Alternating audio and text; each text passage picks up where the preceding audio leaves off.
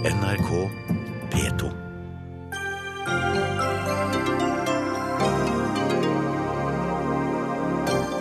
Norske sykebiler kommer ikke raskt nok fram. Helt uakseptabelt, sier Senterpartiet, og etterlyser handling fra helseministeren. Hvor blir det av pengene våre, spør idretten. Mener politikerne lovte breddeidretten ekstra midler i stedet for nytt norsk OL. Aldri før har så mye spillemidler gått til idrettsanlegg, svarer Kulturdepartementet. Mange lot seg bevege av historien om lille Hope, som ble reddet fra heksebeskyldninger av en dansk nødhjelpsarbeider. VG skrev om saken. Nå blir avisa beskyldt for å formidle rasistiske stereotypier. Og ny og ubehagelig rekord i Arktis denne vinteren. Isen smelter langt fortere enn ventet.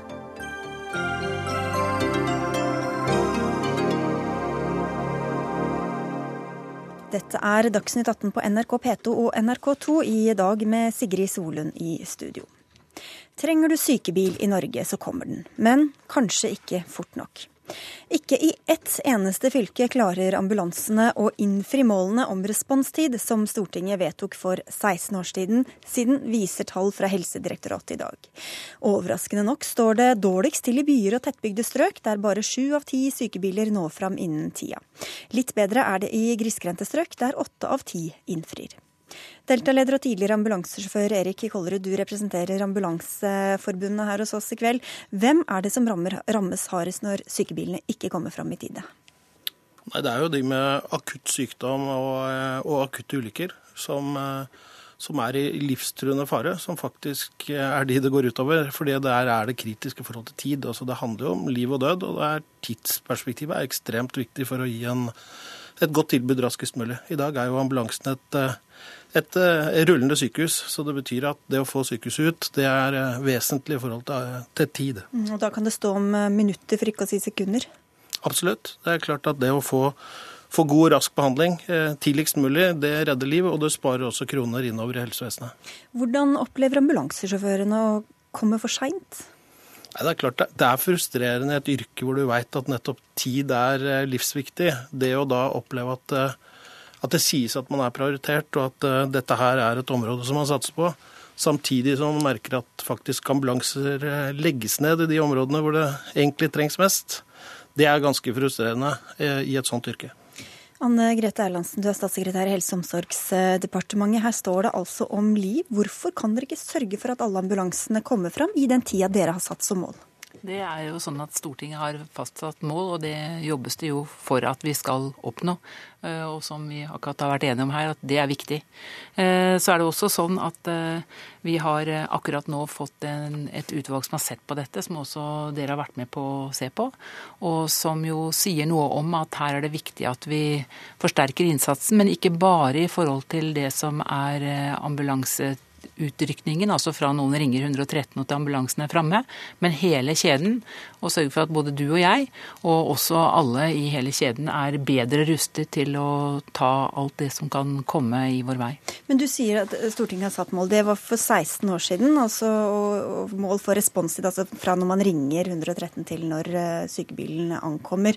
Eh, hva har dere gjort da for å nå disse målene som Stortinget har sagt, så var deres, deres oppgave å, å fylle? Mm. Nå er det jo sånn at uh, sykehusene har ansvar for ambulansetjenesten. og i løpet av disse 16 årene så har det skjedd store endringer i ambulansetjenestene. Nå er uh, dette i mye større grad uh, profesjonalisert som en del av sykehusets virke. Som du sa, sykehus på hjul. Og de jobber hele tiden med dette. Noe av det vi har gjort, og noe av grunnen til at vi sitter her akkurat i dag, er at i dag kom det nasjonale indikatortall for responstid.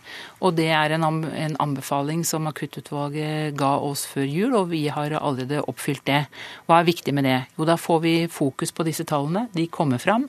Og det gjør at eh, både ledere og medarbeidere i ambulansetjenesten vet hvordan det står til, og kan se hvordan ting kan løses bedre. Og så må jeg si at eh, den eh, responstiden, som det heter, er den samme nå som det har vært i mange år. Til tross for at ambulansetjenesten har enda flere oppdrag nå enn før. Så sånn sett så er det bra, men det er ikke bra nok, og vi jobber for å komme videre. Men bare før vi går videre, så må jeg bare høre, kan det være at fordi I mange av tilfeller så kommer jo sykebilen fort fram. Kan det være at det er en vurdering som ligger bak, og at der de ikke når det, denne responstiden, så er det en, eh, en, kalkulert risiko, for å si det sånn, at fordi det er vurdert som ikke så akutt, eller? Nei, her er det sånn at AMK-sentralen har klare retningslinjer for tre kategorier av respons. Eh, og det er, det er, et system om hvordan man også skal respondere, og det er, i, det, er, det er, på en måte et system som man forholder seg til. Så det er rød, grønn og gul respons, eh, og det er et system for. Så det er rett og slett brudd på, på de målene? Ja, dette handler helt enkelt om, som Erlandsen sier, at, at det er altså at økningen i oppdrag er større enn økningen i antall eh, ambulanser. Og da er det sånn at eh, det er en utfordring å holde holde tida, rett og slett. Og, det er sånn at ambulansen er opptatt når neste oppdrag kommer. Det er klart, Da har du en utfordring i forhold til responstida. For Du sier Erlandsen, at tida har vært det samme, men du mener ikke at tida burde vært lenger? Altså at responstiden burde vært uh... Nei, selvfølgelig ikke. Men, men så er det sånn men, uh, Er det sykehusenes feil, eller hvem er det som har uh, skylda? Det er alltid så fint å snakke om skylda. Jeg kommer fra Østfold. Det er kanskje Norges mest flatpakkede og greie fylke. Eh, I denne jobben så har jeg reist Norge rundt, og det er helt klart at det å komme fram eh, det, den, innenfor denne tiden i Norge, eh, ut fra at vi har Ambulansetjenesten må nødvendigvis være en begrensa ressurs. Det kan ikke finnes overalt. Og det betyr at i noen sammenhenger, særlig i spredtbygde strøk, så blir det lange avstander. Så det er det umulig å nå de målene det, som Stortinget har satt av, eller? Det er, det er noen ganger vanskelig. Og det er også sånn, og det vet du veldig mye om som jobber med ambulansetjeneste, og det er at noen ganger så kommer ting samtidig også. Men fra noen ringer 113, så skal det gjøres en vurdering. Hva gjør vi nå? Og før da folk har startet motoren og er på vei, så har det gått flere minutter. Og når tolv minutter er det som er kravet i tettbygde strøk, så kan det være vanskelig å nå. Eh, men det betyr også at noen er framme før, og det betyr også at noen eh, bruker lengre tid. Men det er også viktig at eh, Jeg var inne på det i sted, og det er at vi er nødt til å utnytte ressursene våre i hele landet bedre, sånn at vi får flere som kan bidra til å hjelpe til med akutte situasjoner over hele landet. Vi skal komme tilbake til hva vi kan gjøre, men Kjersti Toppe, du sitter i helse- og omsorgskomiteen for Senterpartiet, og du sier at um, departementet driver med ansvarsfraskrivelse? Ja, det, det, mener jeg. Jeg registrerer at eh, helseministeren har eh, vist til de regionale helseforetakene, som han mener har nok penger til å drive ambulansetjeneste. Men det som en ser eh, i praksis, det er jo at mange helseforetak har sett seg nødt til å kutte i ambulansetjeneste, til å la ambulansene stå uten bemanning. Og det er ikke rart at vi ikke når de veiledende, veiledende responstid som, som som er, er satt. Og jeg er veldig bekymra, for vi ser eh, at det skjer en samtidig sentralisering av både ambulanse, eh, av legevakt og, og eh, av akuttmottakene på, på sykehus. Og ansvaret blir jo skjøvet over på kommunene, på brannvesenet, det frivillige brannvesenet og, og, akutthjelperne der, og på, på legevakta, uten at det selvsagt følger penger med. Så, så, så du mener det er for lite ressurser rett og slett, og for dårlig organisering? Eh, jeg opplever at eh, situasjonen i ambulansetjenester, iallfall det som har vært de siste årene, har opplevd store kutt som ikke er faglig begrunnet, tvert imot, men som er kommet ene og alene pga. økonomi. Og eh, det syns jeg er veldig alvorlig, for beredskap vil jo koste, og det er jo helseministeren sitt ansvar. Du skal få svare, Else, men vi kan ta en liten runde på hva som er problemet først. Vi, også, vi, har også med deg, Eivind Hansen. Du er administrerende direktør i Helse Bergen og, og representerer da Helse Vest. Hvorfor klarer ikke dere å få sykebilene fort nok fram? Eh, nå er det slik at Vi har jo målt på denne indikatoren over tid. Eh, I dag har vi fått eh, nasjonale indikatorer for første gang. og Vi skal selvsagt strekke oss for å nå disse målene som er her. Det er som har vært diskutert tidligere her, Eh, vi har bygd eh, høyere kompetanse og eh, bedre utstyr i ambulansetjenesten, bedre biler. og Kostnadsnivået drar seg opp og gjør at vi får krevende prioriteringer. Så dere har bedre biler, men dere har ikke råd til å sende dem ut? Jo da, vi har det på veien, og vi har det mye på veien. Det viktige i dette er at målingen her den tar tak i en bit av akuttkjeden. Og Akuttkjeden den kommer helt fra skadestedet eller der, eh, der hendelsen oppstår. Og Det er viktig at vi eh, tenker kommune og det som er nært i de akutte situasjonene, slik også utredningen peker på, som en del av denne kjeden. Men hva betyr det? Er det, er det ressurser det står på, eller er det organiseringen, eller hvor er det det skorter da, når ikke de kommer fort nok fram? Vi jobber både med å rigge denne med riktig kompetanse og med riktig lokalisering. Hva betyr det? Det betyr at innenfor de økonomiske rammene vi har, så prøver vi å få nå flest mulig innen de tidene vi her har satt. Men når dere ikke klarer det, hva er, hva er, problemet? Hvor er det det trykker? Hvorfor får dere ikke ambulansene fram i alle de tilfellene? Det er klart at vi har en krevende geografi eh, som er vidstrakt. Eh, og vi når, Hvis du ser f.eks. på, på grisgrendte strøk i Hordaland, så når vi eh, ganske så langt opp. Vi er på 82% og skal opp mot 90 Eh, og det er klart at Her må vi optimalisere. Vi må våge òg, når vi får ny og bedre kommunikasjonsstruktur, å flytte ambulanser slik at det er mer optimalt plassert, riktig plassert, for å kunne nå flere eh, innbyggere med den kapasiteten. Og Så må vi jobbe med samarbeid med kommunen. For det er klart at Kommunen lokalt vil være den som først møter denne situasjonen, med sin legevakt eller med annet personell som kan bidra i en type førstehjelpssituasjon lokalt. Okay, vi må uh, kolde også til deg før Erlandsen skal slippe til. Hva, men, hva er deres opplevelse av hvorfor uh, ikke ambulansen eller sykebilene kommer fram fort nok i alle tilfeller? Det er riktig at, som Hansen her sier, at det har skjedd veldig mye bra i utviklingen av ambulansetjenesten i mange år bakover. Men på det området her, som handler om ressurser, så er det sånn at antall, antall oppdrag har altså helt klart økt. og det har vært og det har vært signalisert både på rød-grønne regjeringer og blå regjeringer opp gjennom tida, så det er ikke, ikke, noe nytt. Og sånn sett til toppet så er det sånn at dette kunne noen ordna før. Bare for også å ha sagt ja, det. Har, de det var 16 år siden du ja, satte disse målene. Jeg har sjøl satt i et utvalg som ble satt ned i 2009 av Brustad. Eh, og det var altså ikke noe som skjedde i etterkant av det heller. Så Sånn sett så skal for så vidt Høie ha ha, gått, ha, har et positiv tilbakemelding på at man nå tar tak i indikatorer. Men jeg, jeg syns det er vanskelig å se forskjellen mellom men anbefalte krav og en kvalitetsindikator. Det som trengs her, hvis man setter pasientene i sentrum, er forskriftsfesta krav. Altså det er merkelig at i dag så er det krav til hvor raskt man skal ta telefonen.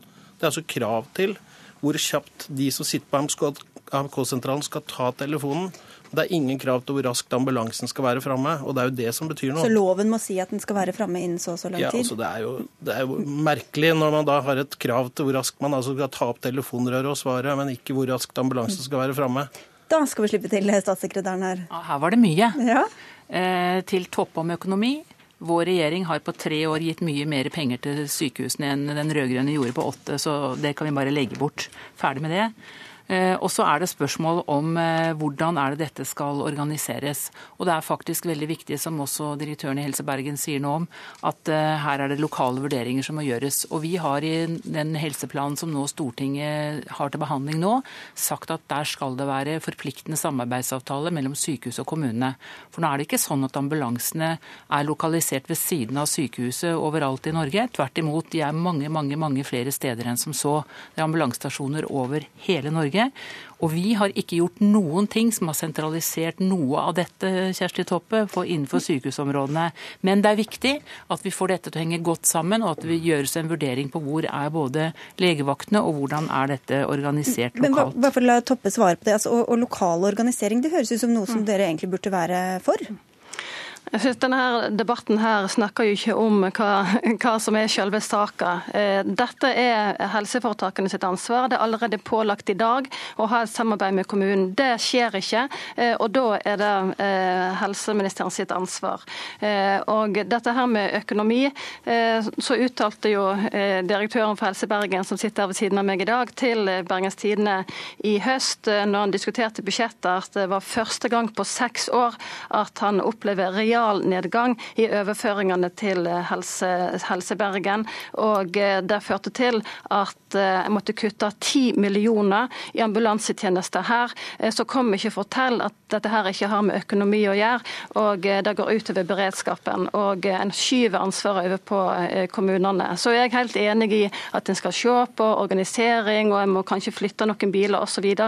Men nå er det over hele linja. Vi får tilbakemeldinger fra hele landet at det skjer kutt kutt i ambulansetjeneste. Og når vi da får disse kvalitetsindikatorene i dag på at vi er langt under, eller iallfall under det målet som eh, er ei, eh, grense, eh, så burde jo en heller sett ei styrking. Og jeg er enig med ambulansetillitsvalgte i at dette bør være skal-krav og ikke kan-krav i tjenestene, for det ville ha gjort at de regionale helseforetakene hadde måttet forholde seg til dem på en annen måte enn det som jeg opplever, i fall debatten her i dag. Bør Erlandsen til å svare, svare på det. Det er egentlig ganske utrolig. Hvis vi tror at det å forskriftsfeste eller lovfeste disse kravene er det som skal til, så vil alt bare ordne seg. Sånn. Det er ikke sånn det fungerer. Det som er viktig, det er at de som er den lokale lederen, de som er ansvarlig for ambulansetjenestene i hvert eneste helseforetak i Norge, de vet nå hvor de ligger. Det har de visst lenge. Nå er dette en nasjonal indikator som vi nå fokuserer mye på. Hvis de har visst det lenge, så hjelper det vel ikke at de har fått vite det jo, på men de har gjort mye for å jobbe med dette hele tiden, og dette vet. Men det, de går jo ikke, det er, vi ligger jo, det er jo, jo mange, altså Ambulansene kommer jo, ikke fram i tide, og hva jo, gjør dere men, med det? Jo, men spørsmålet som jo da, eller løsningen som da kommer, er at da er det bedre hvis vi lovfester det. Det tror ikke vi. Men det virker det som du da mener at vi heller skal sette oss mål som er slappere, på en måte? Da, fordi nei, har, geografien er sånn at vi ikke når dem uansett? Jeg har ikke sagt det, men jeg sa at det er en utfordring å nå dette overalt i Norge. Og dette er jo selvfølgelig områder som, er, er, eh, som folk opplever som viktige å, å, å oppnå sjøl også. Så jeg er helt sikker på at noe av det som er det aller viktigste her, det er at kravene er klare. Eh, lederne vet hva som er forventet av dem, og de vet også at dette er en mulighet for både utvikling og forbedring, og det er det det handler om hele veien. Mm. Vi må forbedre oss, vi må forbedre oss sammen med kommunene, og det handler ikke om å skyve ting over på kommunene, men det handler om å jobbe sammen med kommunene mye tettere på en helt annen måte. Og Akuttutvalget, som akkurat har avlevert sin innstilling nå rett før jul, anbefaler ikke lovgivning. Mm. Tvert imot. Å lage politietterforskning hver gang noen bryter eh, målsettinga, Kjersti Toppe, hva hjelper det? Mm. Eh, jeg har jo ikke kun pekt på at det skal bli et, eh, et, et skal-krav. Jeg har snakka veldig mye om ressurser til helseforetakene, sånn at de kan prioritere beredskap. Men Senterpartiet mener at disse grensene er så viktige at de kan gjerne lovfestes når vi lovfester hvor lang tid det skal ta å ta telefonen Det hadde nevnt veldig mange ganger under din ja, regjeringstid også. Ja, vi har styrka ambulansetjenester, sånn som vi snakker om her, eh, og alt dette her. Men nå er det sånn at eh, utstyr og kompetanse er blitt så dyr at en opplever at bilene står for å spare penger. Og okay. Eh, det er det som er saka her i dag, og, og, og, og det syns jeg er urimelig. Tida løper fra oss. Hansen, helt kort til slutt hva gjør dere da for å forbedre responstiden? Vi er opptatt av samarbeid med kommunene. Vi er opptatt av å, å, å sikre at vi òg gjør vurderinger om hvordan vi bruker tjenesten til ulik transportoppdrag, slik at vi får prioritet på det akutte. Eh, vi er opptatt av å flytte ambulansene slik at de ligger i helt naturlig trafikkmønster. Og Det vil kanskje bety at de noen ganger ikke ligger i kommunesenter, mm. men ligger mellom kommuner. Så okay. Denne bevegelsen er vi veldig opptatt av at vi får anledning til. at og sikre at vi stadig sikrer trygghet for de enkelte. Okay, vi vil være der. Vi, vi er nødt til å avslutte. Ok, Helt på, på tampen her fra ambulansesjåføren også. Ja, Når vi hører nå debatten, og også da eh, sykehusdirektøren, som altså sier at jeg skal forsøke å strekke meg langt, så er det altså stor forskjell på å faktisk forskriftsfeste og ha anbefalte krav og kvalitetsindikatorer. Dette beviser at det må forskriftsfestes, fordi at da følger det penger med. Ikke forskriftsfesting, men dere følger opp saken i hvert fall fra departementet. Vi følger sykehusene hver eneste måned, og dette skal vi følge opp videre. Men det er mange ting ellers som er forskriftsfesta. Vi rekker ikke å ta alt det der nå. Tusen takk skal dere ha i hvert fall alle sammen. Anne Grete Erlandsen fra Helse- og omsorgsdepartementet, Kjersti Toppe fra Senterpartiet, Erik Kollerud fra Ambulanseforbundet i Delta og Eivind Hansen fra Helse Bergen. Dagsnytt 18 alle hverdager klokka 18.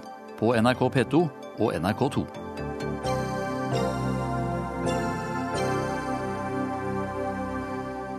Bør norsk bistand ta hensyn til hva som kan gagne Norge?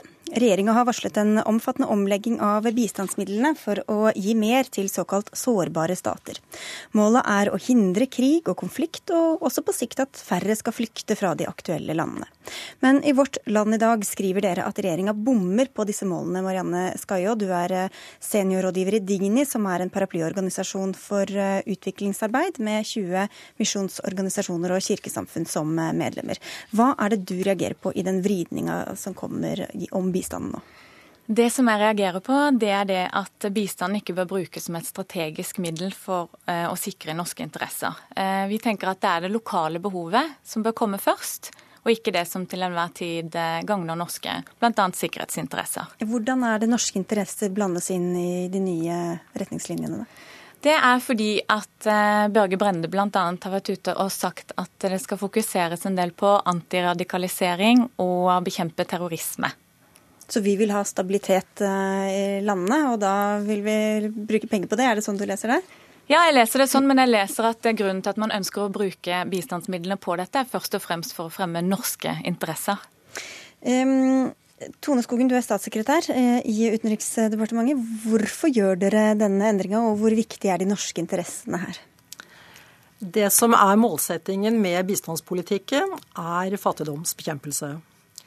Vi bruker i år mer enn noensinne i vår bistand. Eh, vi er faktisk nesten best i klassen. Det er få andre land som kan vise til tilsvarende summer og tilsvarende innsats som det vi gjør. Og jeg er ganske sikker på at Digni er enig med regjeringen i akkurat denne tematikken, at det er fattigdomsbekjempelse som er målsetting med, med, bistanden.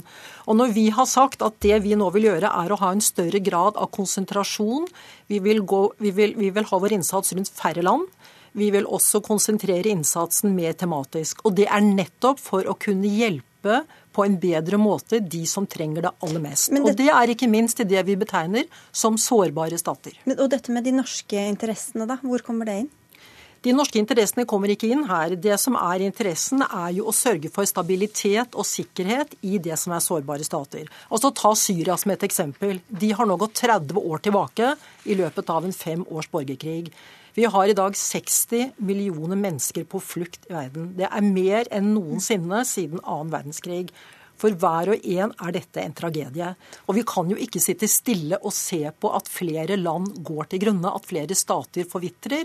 Derfor har vi sagt at det er i ikke bare i vår, men det er i alles interesse, det er i det globale samfunns interesse, at vi nå har en betydelig innsats for å stabilisere disse sårbare statene. Og dermed forebygge at flere flykter fra krig eh, eller fattigdom eller eh, annen elendighet. Ja, men utenriksministeren var jo også ute og sa at eh, flere av disse områdene som nevnes her, kunne være arnesteder for det som man kaller for trusselaktører, og at bistandsarbeid i disse områdene kan være med å sikre norske interesser.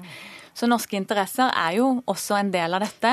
Og vi ser jo det at bistanden er stadig under press. Vi så jo det under budsjettforhandlingene som var nå. Og vi er bekymra for at det ikke skal gå nok bistand til det som vi kaller for den tradisjonelle bistanden, der, som er fattigdomsbekjempelse. Og fremme kvinners likestilling, rent vann og så det er ikke det formålet som i seg selv er galt, det er det at dere frykter at det skal gå utover andre? Ja, men vi mener at målet med bistanden er å bekjempe fattigdom. Og at hvis vi vanner ut bistanden for mye med flere og flere tiltak, så blir det en sekkepost hvor vi da mener at man bommer på målet, som mm. er fattigdomsbekjempelse. Skal man drive med å jobbe mot eh, radikalisering, mot internasjonal terrorisme med bistandspengene? Og hva blir det igjen da til den eh, hva skal vi si, originale bistanden? Det er veldig mye igjen til den.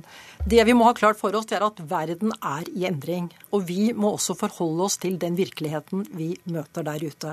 Verden endrer seg nå raskere, mer uforutsigbart enn noensinne. Og når vi er opptatt av eksempelvis de sårbare statene, så er det jo nettopp fordi at der har du en stor del av de aller fattigste i verden. Og enhver statistikk vil også fortelle oss at går vi noen år frem i tid, så vil enda flere av verdens aller fattigste bo nettopp i de sårbare statene. Så har vi gjennom vår politikk en betydelig satsing på utdanning. Vi har en ambisjon om å doble utdanningssatsingen. Den er vi nå i ferd med å nå. Vi satser stort på helse, vi satser på kvinner, vi satser på likestilling, vi satser på demokratibygging og jobbskaping. Og det er jo nettopp fordi Menneskene i disse landene må jo både ha en utdanning, de må kunne ha bedre helse, og de må ha et håp om at det er en fremtid i de landene de er. Klarer vi ikke å oppnå dette, så er nettopp dette med terror, organisert kriminalitet, veldig nærliggende for mange av de menneskene som bor i disse landene. Hvilken rolle spiller det at vi tar også sånne hensyn, så lenge pengene går til dem som faktisk også trenger det, som, som jo er også i disse landene? Nei, jeg synes at Det er bra at vi også tar sånne hensyn, men hovedbudskapet vårt er at vi er redd for at bistanden vannes ut for mye, og at bistanden skal løse for mange av disse utfordringene. Altså Det er klart at eh, vi har en verden i endring, vi har mange ulike utfordringer nå, men bistanden trenger ikke å være den som skal løse alle disse utfordringene. Det er litt av det som er hovedhensikten eh, i denne kronikken. Og også det at vi syns at det virker som at det ligger litt under at det er for de norske interessene. Både sikkerhetsinteresser og utenriksinteressene. Dette er jeg helt enig i, og det tror jeg Digny også vil være enig med å si. De kan vel si det selv hvis de er enige. Ja, bistand, bistand kan ikke løse alle disse problemene. Det er noe av kjernen i alt dette. Ja. Bistand er ett element i det du kaller utviklingspolitikken. Men du mener at vi ikke skal ta eh, sikkerhetspolitiske hensyn f.eks. inn i bistanden? Det vi snakker om når det er snakk om eksempelvis å stabilisere sårbare stater, det er jo en sikkerhetssituasjon som vil komme hele verdenssamfunnet til gode. Men skal det nødvendigvis gå gjennom bistandsmidlene, eller kan det være annet politisk arbeid? Det kan også være masse annet politisk arbeid, og det var det jeg forsøkte å si. Bistand er bare ett element i dette her. Demokratibygging gjennom politisk påvirkning, gjennom politisk dialog.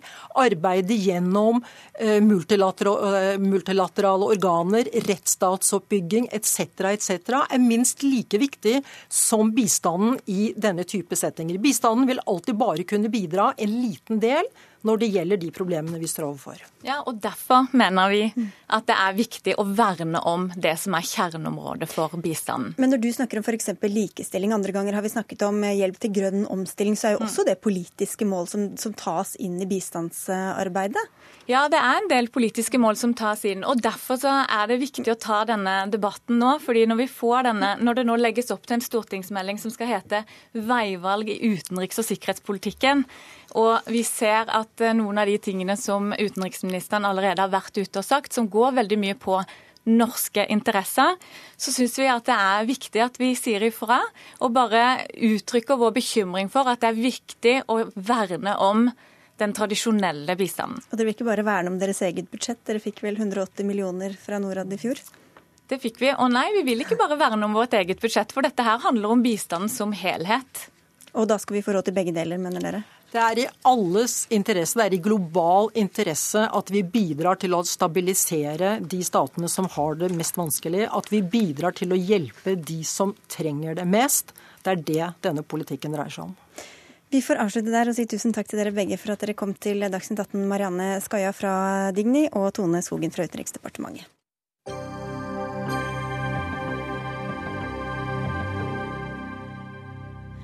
Og nå til eh, det viktigste av alle uviktige ting i verden, i hvert fall ifølge pave Johannes Paul 2., nemlig fotball.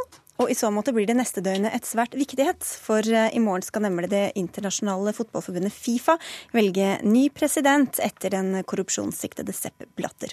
Det er fem kandidater, hvorav to regnes som klare favoritter, og dem skal vi straks snakke mer om. Men eh, først fotballblogger Mina Finstad Berg, hva er det som står på spill nå når Fifa skal velge ny president i morgen? Altså, det, som, det, er mye som står på spill, bl.a. Fifas omdømme og rykte. Eh, men ikke bare presidentvalget, også en del omfattende reformer eh, som skal opp eh, på, på, det møtet her. Eh, men for å være helt ærlig så er jeg ganske pessimistisk. Jeg tror ikke at det presidentvalget her kommer til å, å redde Fifa. Eh, jeg tror man er litt kjørt uansett. Eh, og så er det sånn at Den ene kandidaten som ligger best an så langt, sjeik Salman, er anklaga for menneskerettighetsbrudd osv. osv. Det ville være en katastrofe for Fifa å få en sånn president. Den andre kandidaten som ligger greit an, Infantino, er en del hakk bedre, men vil nok heller ikke være noen redningsmann for fotballen. Frode Lia, du er redaktør i fotballmagasinet Jossimar. Hvilken forfatning er denne organisasjonen i som nå skal velge kanskje en av de to som Finstad Berg nevnte her til ny leder? Altså, de er vel så langt nede i kjelleren som en organisasjon kan uh, få blitt. De altså er strippa for all troverdighet. Uh, og ser egentlig ikke, altså i hvert fall ikke de nærmeste årene, ut til å, å få retta opp den skakkjørte skuta. For det er korrupsjon og det er eh, masse rart som skjer, har skjedd i kulissene. Ja, altså hvis du tar uh, sjeik Salman uh, f.eks., uh, så er han anklaga og uh, delvis dokumentert at han har vært med og samla under den arabiske våren. Så ledet han en komité som, som overvåka en rekke idrettsfolk i Bahrain. Arresterte dem, torturerte dem, i tillegg så har det også kommet opplysninger om at han har putta masse penger i egen lomme. Utviklingsmidler som har kommet fra Fifa, som har brukt til sin egen eh, valgkamp valgkampanje for å, å komme inn i eksekutivkomiteen i Fifa. Kan ikke du si litt Finstadberg, om hvor viktig Fifa er? Altså For alle som ikke er så interessert i, i fotball eller organisasjonen der. altså Hvor viktig maktfaktor de er politisk og økonomisk rundt i hele verden, egentlig? Altså, Fifa er jo uten tvil den ledende eh, aktøren i internasjonal fotball. Det er de som arrangerer eh, VM. Det er under for sånn som Uefa som arrangerer EM, eh, som arrangerer Champions League. ikke sant? Og det er de som, eh, som avgjør eh, de store og det hele hvordan fotballen utvikler seg, og hvilke regler som gjelder innenfor fotballen. Og det man har sett de siste 10-20 åra, er jo at det har utvikla seg en voldsom ukultur i Fifa, hvor det er mye korrupsjon. Hvor det er en del gamle gubber som sitter og tviholder på den makta, og hvor det er lite rom for for forbedringer, rom for å ta tak i de problemene man har. Og de kan være vikt, veldig viktige for noen land også for um, hvem som blir tilgodesett og ikke?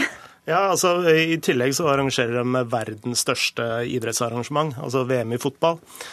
Uh, og det vi ser nå, det er at uh, særlig Asia og gulvstatene er på full, uh, full fart på vei inn i fotballen. Så det man Eh, dette Fifa-valget også er, er en slags kapitalsikring for innmari sterke krefter fra særlig Gulfen, altså eh, Qatar og Emiratene og til dels eh, Russland.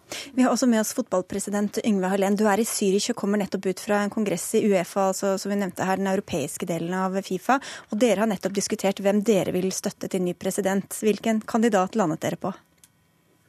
Vi støtter han som eh, har permisjon nå fra generalsekretær i Uefa, Infantino, som er vår egen, egen eh, europeiske kandidat. Men i tillegg til at eh, han var til stede og fortalte om sitt program, så hadde vi også alle de fire andre kandidatene inne i, etter kongressen, der samtlige kongressen var samla og lytta til dem, for å vise at vi også åpner syns at det er viktig at uh, verden står felles om dette. her. Ellers er mye av det som er sagt der uh, om skjebnetid, og at det er viktig. Og, og, i tillegg til den presidentvalget, så er det som er nevnt her med, med at de reformene som skal vedtakes, som har blitt uh, på en måte stemt ned eller utsatt mange ganger, ekstremt viktig. Og, og, verden skjønner at dette er viktig nå. Men hvor fornøyd er dere da med de kandidatene dere har å velge blant? Ja, altså Det kan ganske tydelig fram her hva som uh, at det er sjeiken som uh, er favoritt, pga. at uh, han har gjort en jobb også i asiatisk fotball, der det har vært veldig store problemer, og han har vært med å rydde opp. Men det er klart at med den bakgrunnen han har ellers, og hvordan han håndterte både som fotballpresident i Brain og en viktig mann i, i idretten, og også i kongefamilien som styrer, så så har han så mange ting eh, som hefter med han at det er umulig for oss å støtte han. Og jeg er enig med at det vil bli en svært dramatisk situasjon hvis han blir valgt. Mm. Hvem kan være eh, Lia, hvem kan være han som eller eh, Det er jo ikke så mange hender her involvert, som kan reformere Fifa? Er det noe håp her? Nei, altså Av de kandidatene som uh, nå er aktuelle, så er det vel kun Jérôme Champagne som faktisk har et slags valg.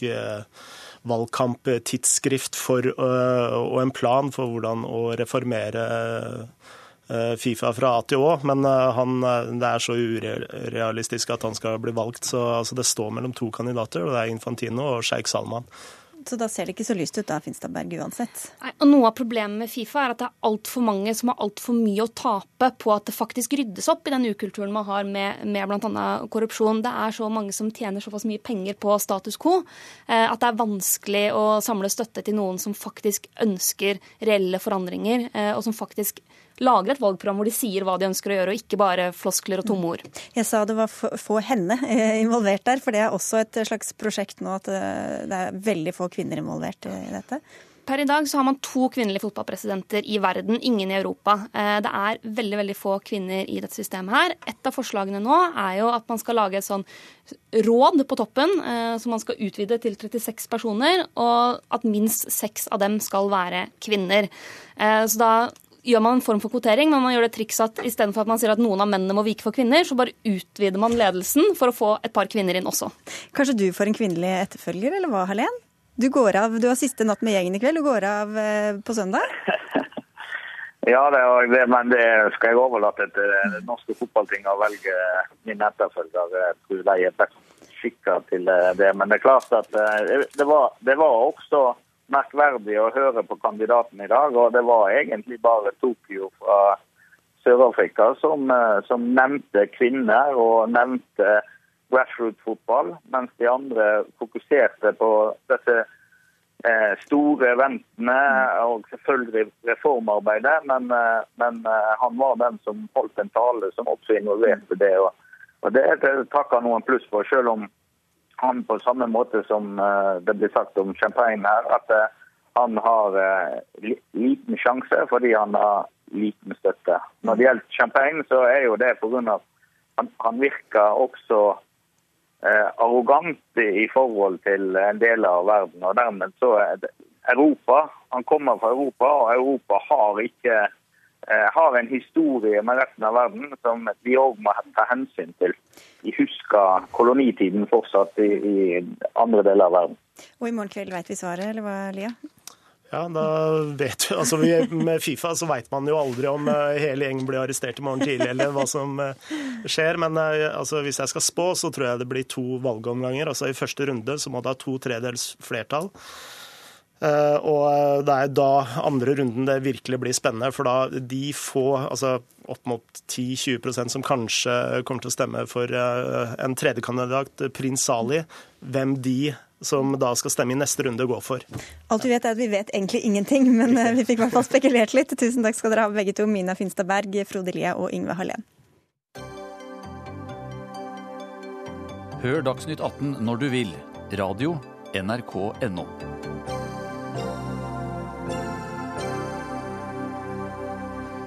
Du har sikkert sett bildene og lest teksten om en ung dansk kvinne som redder et lite utstøtt barn i Nigeria. Saken har fått mye oppmerksomhet.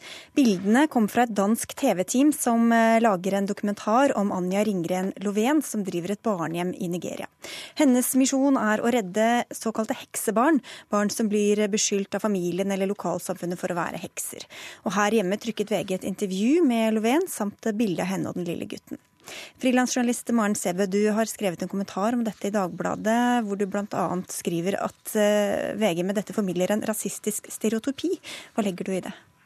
Nei, altså i, i det så, så, så, legger jeg jo uh, nettopp det at man, man eh, her Altså det er ikke handlingen i seg selv jeg kritiserer, men da at man fremstiller handlingen på den måten vi gjør. Altså nå, nå dukka jo disse bildene opp i, i, sosiale medier, og denne organisasjonen som Lovén driver, eh, lever på en måte sitt eget liv i sosiale medier og, og slike ting. Og, og, den ble hentet inn derfra inn i da, på redaksjonell plass, og så lagde man et, eh, en sak basert på et intervju med henne eh, og få andre kilder.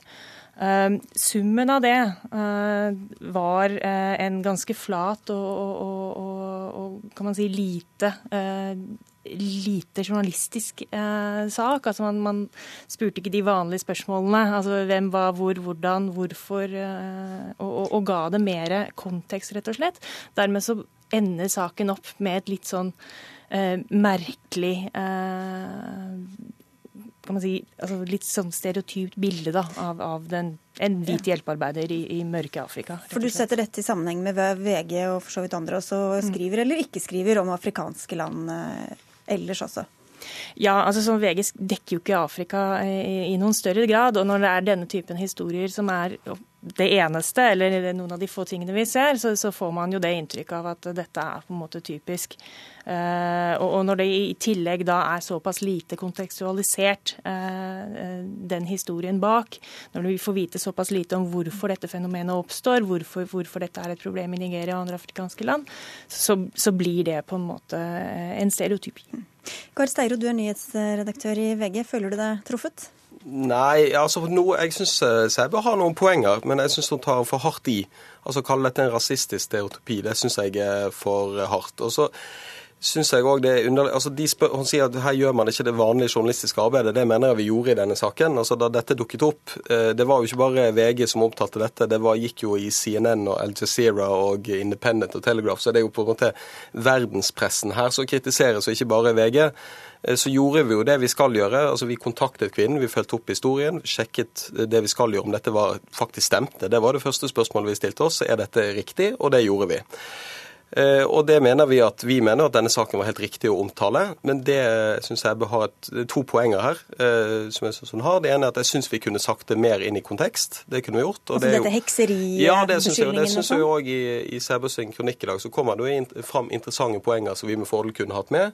Og så er jo jeg òg for så vidt enig i at dekningen av Afrika er for eh, fragmentert. Mm. altså som helhet. Men jeg, men jeg syns kritikken, kritikken, av denne enkeltstående artikkelen er litt underlig, og jeg syns det blir blåst mye vel opp her. For Du, må, du er enig i at det er en sak, eh, Maren Sebbe? Ja, altså det er en sak, og, og, det er absolutt en sak å, å skrive om uh, fenomenet som vi ser, altså som altså et økende fenomen, altså angrep på barn og anklager mot barn for hekseri. Uh, men eh, det er igjen altså måten det, det fremstilles på, med, med, svært liten kontekst. Med, med Hva er det du savner, da? Nei, altså Jeg savner det at de, de altså sånn, I, i uh, intervjuet med Lovén som det er fint at dere fikk tak i henne på telefon. Det er veldig bra at hun får uttale seg i saken. Uh, så kommer det noen generelle uh, altså, altså Altså, hun snakker om at dette er overtro, at nigerianere er eh, uutdannede, uvitenhet, mye sånt, og at de ikke får noe hjelp fra myndighetene til dette osv. osv. Det mener jeg er dels feil, og, og det er også eh, fremstiller da både nigerianske myndigheter og, og selve saken eh, ganske sort-hvitt. Men Steiro, hvilket bilde gir dere Afrika hvis den eneste saken dere skriver om er da at en ung hvit kvinne kommer og hjelper et utstøtt eh, fattig svart Ja, Men det stemmer jo ikke. Altså, Det stemmer jo ikke at dette er den eneste saken VG skriver for Afrika. Altså, det er jo to ting. Vi, jeg syns vi har brukt mye ressurser de siste årene på å dekke en del viktige saker i Afrika. Vi har brukt mye ressurser på ebola, vi har brukt veldig mye ressurser på Eh, på Nord-Afrika etter den arabiske våren, og vi ruster jo opp utenrikssatsingen vår. Men så ser vi jo at Afrika er et stort kontinent, det er mange mennesker, og det er helt klart at hvis du skal dekke det på en eh, på en måte der du får fram eh, nyanser og dekker alle, de, alle sider av det kontinentet, så er det en ganske stor oppgave. Og det erkjenner jo at VG ikke dekker alt dette. Men jeg syns det å bruke denne ene enkeltstående saken som et eksempel på det, syns jeg blir noe underlig. Og jeg syns nok at artikkelen var bedre enn du eh, fremstiller enn den blir fremstilt her. Mm. Og så har, Det ligger jo noe under at det er akkurat denne kritikken mot å trekke fram enkeltskjebner i utenriksjournalistikken. Eh, og Der har nok vi et ulikt syn på dette. For jeg er den oppfatning at enkeltskjebner også kan definere en del saker og en del konflikter. Og iallfall i vår type journalistikk så er det viktig å trekke de Eh, fram. Men så er jeg selvfølgelig enig i at når du, skal, når du skal, skrive om heksebarna i Nigeria, så er det, samme, det er et sammensatt bilde, og det er poenger der som ikke kom fram, og som burde vært kommet fram. Du etterlyser kanskje et mediebilde som ingen har råd til å betale for, eh, eller, eh, og som heller kanskje ikke er etterspurt blant eh, leserne? Det, du er nok inne på noe der. Og, og, dette her er jo også en del av en, en, en større fortelling eh, om Afrika, hvor vi lar veldig ofte hjelpeorganisasjoner eller hjelpearbeidere definere de få, altså de få historiene vi får. Eh, og, og, gjennom da å tilby materiale, tilby bilder og, og, sånne ting. Og det er jo også noe som F, NRK eh, bruker en del. Eh, men eh, sånn generelt akkurat hvorfor denne saken, hvorfor man reagerte så sterkt på denne saken, den var jo nettopp fordi at dette altså sånn eh, den, den, var såpass, sånn jeg leser den, såpass flat og såpass uten kontekst og såpass ute av en sammenheng at den, den for meg ble liksom lite uh, ja, det kan du si. Men, bar, men barnet var nå der. Det var nå et barn i nød. Det var jo en situasjon, Dette var en reell hendelse. Og det er jo ikke noe tvil om at det er barn i Nigeria som blir anklaget for hekseri. Og det er, mener jeg, er, verdt, det er jo prisverdig å omtale det, mener jeg. Men, men eh, bare helt på tampen her, som Seb er inne på, er det, blir dere et lett offer, eh, hvis vi skal kalle det, for uh, sånne bistandsorganisasjoner og andre som, som selger inn bilder eller sender inn historier som dere ikke selv har mulighet for å dekke? Nei, altså For vår del så så oppfatter jeg ikke det. Men vi, ser, altså, vi mener jo at det å være til stede er viktig. Sant? Og Derfor så sender vi ut nå flere stringere enn vi har gjort tidligere. Vi skal være til stede i Midtøsten, og vi bruker også store ressurser på også å reise til Afrika og ha folk til stede der. Så vi mener jo at det er viktig, men jeg opplever ikke Altså, jeg syns bildet Sæbø tegner av utenriksjournalistikken er fordreid. og Jeg syns det blir for eh, sterkt, men det, som sagt, det er poenger. Da får vi vente i spenning på hva som dukker opp eh, på VGs sider fremover. Takk skal dere ha begge to, Gard Steiro fra VG og Maren Sæbø, som er frilansjournalist.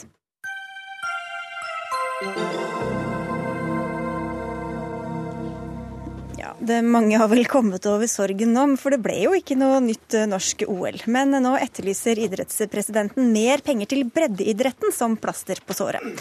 For da det ble klart at det ble nei til å søke om eh, nytt OL i Norge, lovte stortingspolitikerne å tilføre idretten mer penger til å bygge ut idrettsanlegg i stedet, sier du i et eh, intervju med VG, idrettspresident Tom Tvedt. Hva er det du mener å huske at politikerne sa den gangen? Det som jeg registrerte, det var at vi jobba for å få et OL og Paralympisk til Norge. Så ble det sagt eh, nei, eh, og da registrerte jeg det var noen som sa nei til et OL. Men jeg hørte ingen som sa nei til breddeidretten. Man har jo da, bl.a. Siv Jensen har sagt at Frp vil heller si ja til idrettsanlegg, styrking av barne- og ungdomsidretten og breddeidretten i hele landet. Så har eh, vi et etterslep per dag på ca. 3 milliarder norske kroner. Vi har frivillige som står der ute og venter på å komme i gang og lage anlegg. Vi har et skrikende behov. Vi har oppfatta at eh, det som ble sagt, er at nå skal man styrke og få fortgang i dette, og det ser vi ikke nå. Så du oppfattet det sånn, men har du noen konkrete løfter fra noen politikere som sa at noe av pengene vi skulle brukt i OL, skal nå i stedet gå til breddeidretten? Jeg har sagt igjen det som står og som man har uttalt. Nå skal man styrke breddeidretten. Det ligger òg i regjeringsplattformen, og jeg har hørt fra samtlige fra, på Stortinget at nå skal, er det bredden rundt forbi i Norge. og Vi vet at de neste som vinner OL og Paralympics, de kommer ut i bygdene. Og det er et skrikende behov for våre medlemmer å bygge anlegg. Det ser vi ikke nå.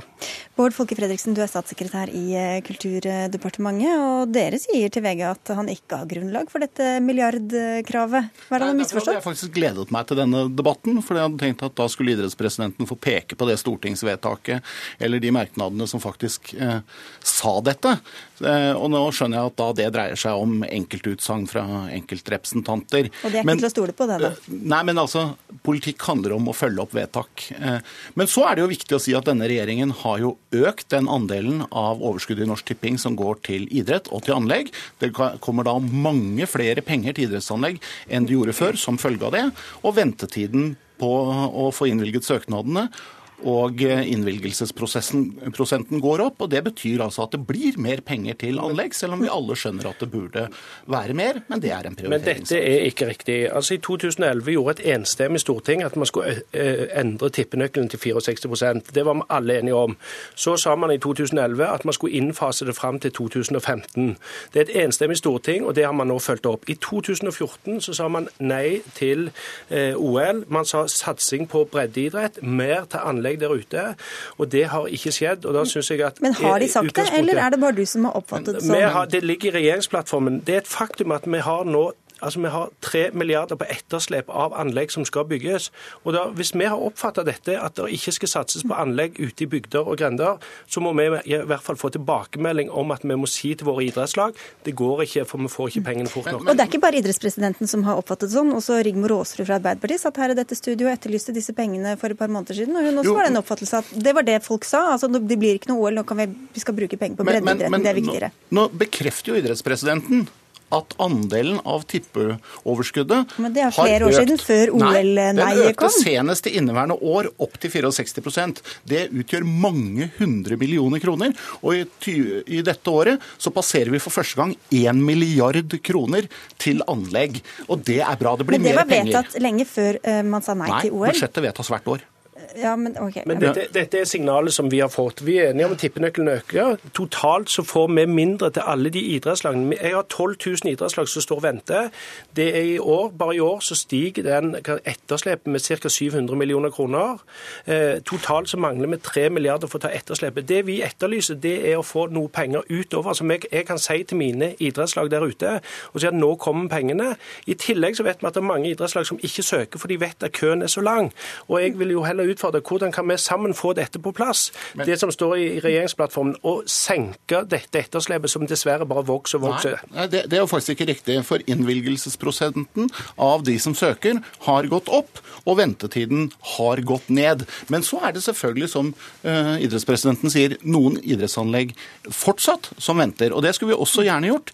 Men når man endrer tippenøkkelen, at idretten får mer, så får kultur og andre viktige oppgaver mindre. Så da må det prioriteres på statsbudsjettet. Ja, så totalt sett er dette en prioritering, og idretten er blitt prioritert opp. Og i tider hvor statens inntekter stuper, så skal man jo være litt forsiktig da, med å mene at man skal få enda mer når man har fått så mye allerede. Men nettopp da mener du at det er nå dere burde fått det i forbindelse med sysselsettingspakker og tiltak mot ja, altså det som, som, igjen, Jeg er tilbake igjen til at det øker. Det er 3 milliarder. Man kommer til å passere 3 milliarder i etterslep når året er slutt, sannsynlig. Så er det sånn at når sysselsettingspakken Vi hadde jo forventa at den kom spesielt på Sør-Vestlandet. Eh, og I det forslaget som lå der, så lå det null til idrettsanlegg. Det beklagte vi veldig. Vi håpet vi skulle få det. Det hadde vi òg gitt signaler til våre idrettslag om. Og Det er jo derfor jeg sitter her. Vi har et skrikende behov. Det er mange frivillige der ute som har lyst til å få spillemidler, som genererer kommunalmidler, som igjen frigjør dugnad. Og Det er jo det som er poenget her. Her er det en, en utgift til ervervsinntekt. Så Sånn sett så venter vi på å få den økningen, for å få ned etterslepet, så barn og unge får mer aktivitet. Så, så folk, Du er litt sur fordi du har lovt ting som ikke regjeringa følger opp? Jeg ikke sur. Har, vi har gjort et vedtak med hele idrettstinget bak. at Vi har tatt som for gitt at nå skulle dette økes for å ta igjen etterslepet. og Det oppfatter jeg har vært politisk enighet på Stortinget, og vi venter nå på de pengene. Men Nå er det jo ikke idrettstinget som fordeler statsbudsjettet, det er faktisk Stortinget som også har ansvaret for å finansiere barnehaver, skoler eh, og sykehus. Og idrettspresidenten kan jo ikke sitte her og si at eh, det gjelder ikke de store økningene de har fått over statsbudsjettet de siste årene. De skulle fått mer. Poenget er jo at det er bevilges i dag mer til idrett enn før. De får en større andel av tippenøkkelen. Ventetiden på anlegg går ned, og innvilgelsesprosenten går opp. Og når man får fire av fire mulige, så skal det jo litt til når statens inntekter stuper. At man sutrer nå, altså. Ja, Beklager det. Eh, så var det altså tilbake til utgangspunktet dette med OL. Hvor er egentlig logikken i at idretten skal få mer penger fordi man ikke også skal bruke penger på et dyrt OL? Nei, Bakgrunnen var jo den argumentasjonen som, som ble brukt. Uh, og Idretten oppfatter det, og jeg sier igjen, hvis vi oppfatter dette feil, så må vi få tilbakemelding om det. Det var jo at man brukte argumentet istedenfor en stor fest, så skulle man da bruke disse pengene rundt forbi våre idrettslag i kommunene for å få dette til. Uh, og da, da, har vi gjort en forventning på det. Idrettstinget har gjort et vedtak basert på det, om at da skal vi sette i gang for å få det etterslepet, for å utløse denne dugnaden, effekten for at barn barn og unge skal få trene mer. Det er vår hensikt med dette. Vi er jo alle enige om det, men bare økningen i 2015 utgjør, utgjør jo 20 Men etterslepet eh, øker, sier han samtidig. Nei, ventetiden går ned. Og poenget er at bare økningen i 2015 utgjør jo 20 haller eller 80 kunstgressbaner hvis du skal gjøre det om til det. I tillegg utløses jo kommunale midler og frivillighet. Så dette er bra, dette er vi enige om. Men det er også sånn at vi må kunne erkjenne at økningen faktisk har kommet. Men jeg tror vi skal bare sånn at vi kan sjekke det etterpå. Mener du at etterslepet går ned, eller går etterslepet opp? Min påstand er at det går dessverre opp. Og det betyr jo at ventetiden for barn og unge der ute går eh, lengre tid før de får. Eh, det som har skjedd, er at flere av de som søker, men får sin Men nå spurte han direkte om etterslepet. Går ja, det opp men, eller ned? Men det jeg sitter med av tall, viser at flere av de som søker, får sin søknad innvilget, og ventetiden på å få spillemidler går ned. Og Det er i hvert fall positive utviklingstrekk for de som driver med idrett. Våre, våre tall viser klart og tydelig dessverre at etterslepet går opp. Det betyr lengre venting for barn og unge, og dette må vi finne en løsning på sammen med hele Stortinget. Men tallene blir vi helt sikkert enige om når vi møtes andre steder enn med ja. mikrofoner til stede. Men at det satses på barn og unge og idrett i dette landet, det er det ingen tvil om. Dere får ta en prat utenfor studio. Takk skal dere ha i hvert fall i denne omgang. Eh, Tom Tvedt fra idrett, idrettspresident og statssekretær Bård Folk Fredriksen.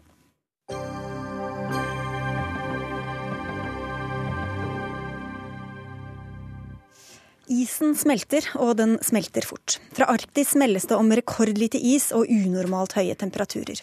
Ifølge amerikanske National Snow and Ice Data Centra er utbredelsen av sjøisen i januar lavere enn noen gang tidligere i årets første måned. Og rundt nyttår steg temperaturen på Nordpolen til rundt null grader, som er 30 grader varmere enn normalen. Jan Gunnar Winther, du er direktør ved Norsk Polarinstitutt. Vi har hørt lenge at isen kommer til å minke, men har noen visst eller skjønt at den skal minke så mye og så fort? Nei, jeg tror vi kan si det at vi har blitt overraska, og ikke bare én gang, men gang på gang. Og dette føyer seg inn i rekken av en lang rekke rekorder som vi har opplevd de siste årene. Du følger jo nøye med på utviklinga. Hva kan du si om situasjonen i Arktis nå i forhold til eh, normalår eller tidligere år, da? Når det gjelder sjøisen, som har endra seg aller raskest, denne tynne filmen av is som ligger over havet, så, så, settes det jo rekorder nesten hvert eneste år. Og vi har vært spesielt oppmerksom tidligere på at det har blitt mye mindre is på sommerstid. Eh, og nå har vi da i år sannsynligvis eh, hatt et maksimum i isutbredelse allerede så tidlig som 9.2. Det er over en måned tidligere enn normalen. Og så sier du til nrk.no at vi har hatt 62 eh, måneder på rad med temperaturer over normalen på Svalbard. Ja, Svalbard ser ut til å være et område i Arktis, et Arktis som varmes opp mye raskere enn det globale gjennomsnittet, som eh, varmes opp enda raskere. Og på Svalbard har vi altså de siste årene hatt eh, så å si isfrie forhold både vinter og sommer. Hvordan går det utover dyrelivet i området? Vi ser jo det allerede at vi får en rask reaksjon, ikke minst i, i havet, hvor uh, arter trekker nordover. Vi har jo sett at man har kunnet fiske makrell på, på Svalbard. Vi har fått snøkrabbe i Barentshavet, kanskje pga. disse klimaendringene. Vi ser torsken, som vi har store økonomiske interesser av, trekke nordover og østover. Så hele økosystemet, og ikke bare isbjørn, som ofte blir holdt frem som eksempler på, på en art som er under press i, i en varmere verden eh, endrer seg. Det globale værfenomenet El Niño får jo en del av skylda. Hva vet dere sikkert om hvor mye som skyldes en veldig varm, eh, voldsom El Niño? Hvor mye som skyldes menneskeskapte klimaendringer? Ja, Det er nok eh, fastslått ganske godt fra FNs klimapanel at vi i dag har menneskeskapt klimaendringer. Med mer enn 95% sannsynlighet mener FNs klimapanel at det er tilfellet. Eh, og så er det disse langdistanseeffektene som vi enda ikke vet eh, nok om. Men eh, det er ganske store og kraftige indikasjoner på at endringer i Arktis forplanter seg til helt andre deler av verden. Mm. Og vi ser eh, vær- og klimaendringer i USA, i Asia, som til dels eh, enkelte vitenskapelige arbeid tilskriver klimaendringer i Arktis. Hvordan påvirker temperaturøkninga og issmeltinga i Arktis andre steder? da? Det ser ut som luftstrømmene har endra karakter, og disse jetstrømmene som var veldig sterke og på en måte sperra inne denne kalde polarlufta, de har blitt blitt eh, svakere. Eh, og Dermed så har vi også fått eh, tilfeller av utbrudd av polarluft, som man bl.a. har slått ut på østkysten av USA, og også i Kina og Sør-Europa. Og I en oppvarmende verden så kan man altså faktisk få også perioder hvor vi får mer vinterlige forhold. Mm. Og Så ser vi det motsatte i vår del av Arktis, hvor vi har fått de varme luftmassene lengre nord. Og Svalbard er jo da, kan vi si dessverre, et kroneksempel på at vi har fått en slags atlantifisering, en normalisering av forholdene på Svalbard, som ligner mer og mer på kyst Nord-Norge. Det er jo sånn at Klimaendringene merkes tidligere og sterkere noen steder enn andre. Hva slags varsel er det som skjer i Arktis nå, på hvilke endringer vi kan se for oss resten av verden? Eh, Arktis er jo eh, sagt å være en slags kanarifugl i, i kullgruva, hvor, eh, hvor, vi ser de raskeste og første endringene. Og De ser jo ut til å vedvare, og klimamodellene fremskriver jo også dette til å fortsette. Og Samtidig så jobber vi da med å forstå disse sammenhengene mellom hva som skjer i Arktis og andre steder. Men det er ikke tvil om at endringene i Arktis er dramatiske, og vi har ikke noe sammenligningsgrunnlag i, historien. fordi at vi har ikke noen perioder hvor klimaendringene har vært så raske som det er i dag. Mm. Som du nevnte, så er det rekord på rekord. Fjoråret var det varmeste som er målt. Forrige måned hadde den høyeste snittemperaturen globalt noen gang målt i januar. Helt kort på tampen her, hva tror du er sannsynligheten for at eh, det bare kommer nye rekorder eh, stadig framover? Den er nok dessverre stor når det gjelder Arktis. Mm. Takk skal du ha, Jan Gunnar Winther, eh, som var med. Du eh, er altså direktør ved Norsk Polarinstitutt. Eh, litt dystert til uansett. Takk skal du ha. Vi må takke for oss i Dagsnytt 18 for i dag. Det var Dag Dørum som hadde ansvaret for innholdet i sendinga. Lisbeth Sellreite hadde det tekniske ansvaret. Jeg heter Sigrid Solund, og vi høres eller sees igjen i morgen til vanlig tid klokka 18 her på NRK P2 eller eh, NRK2.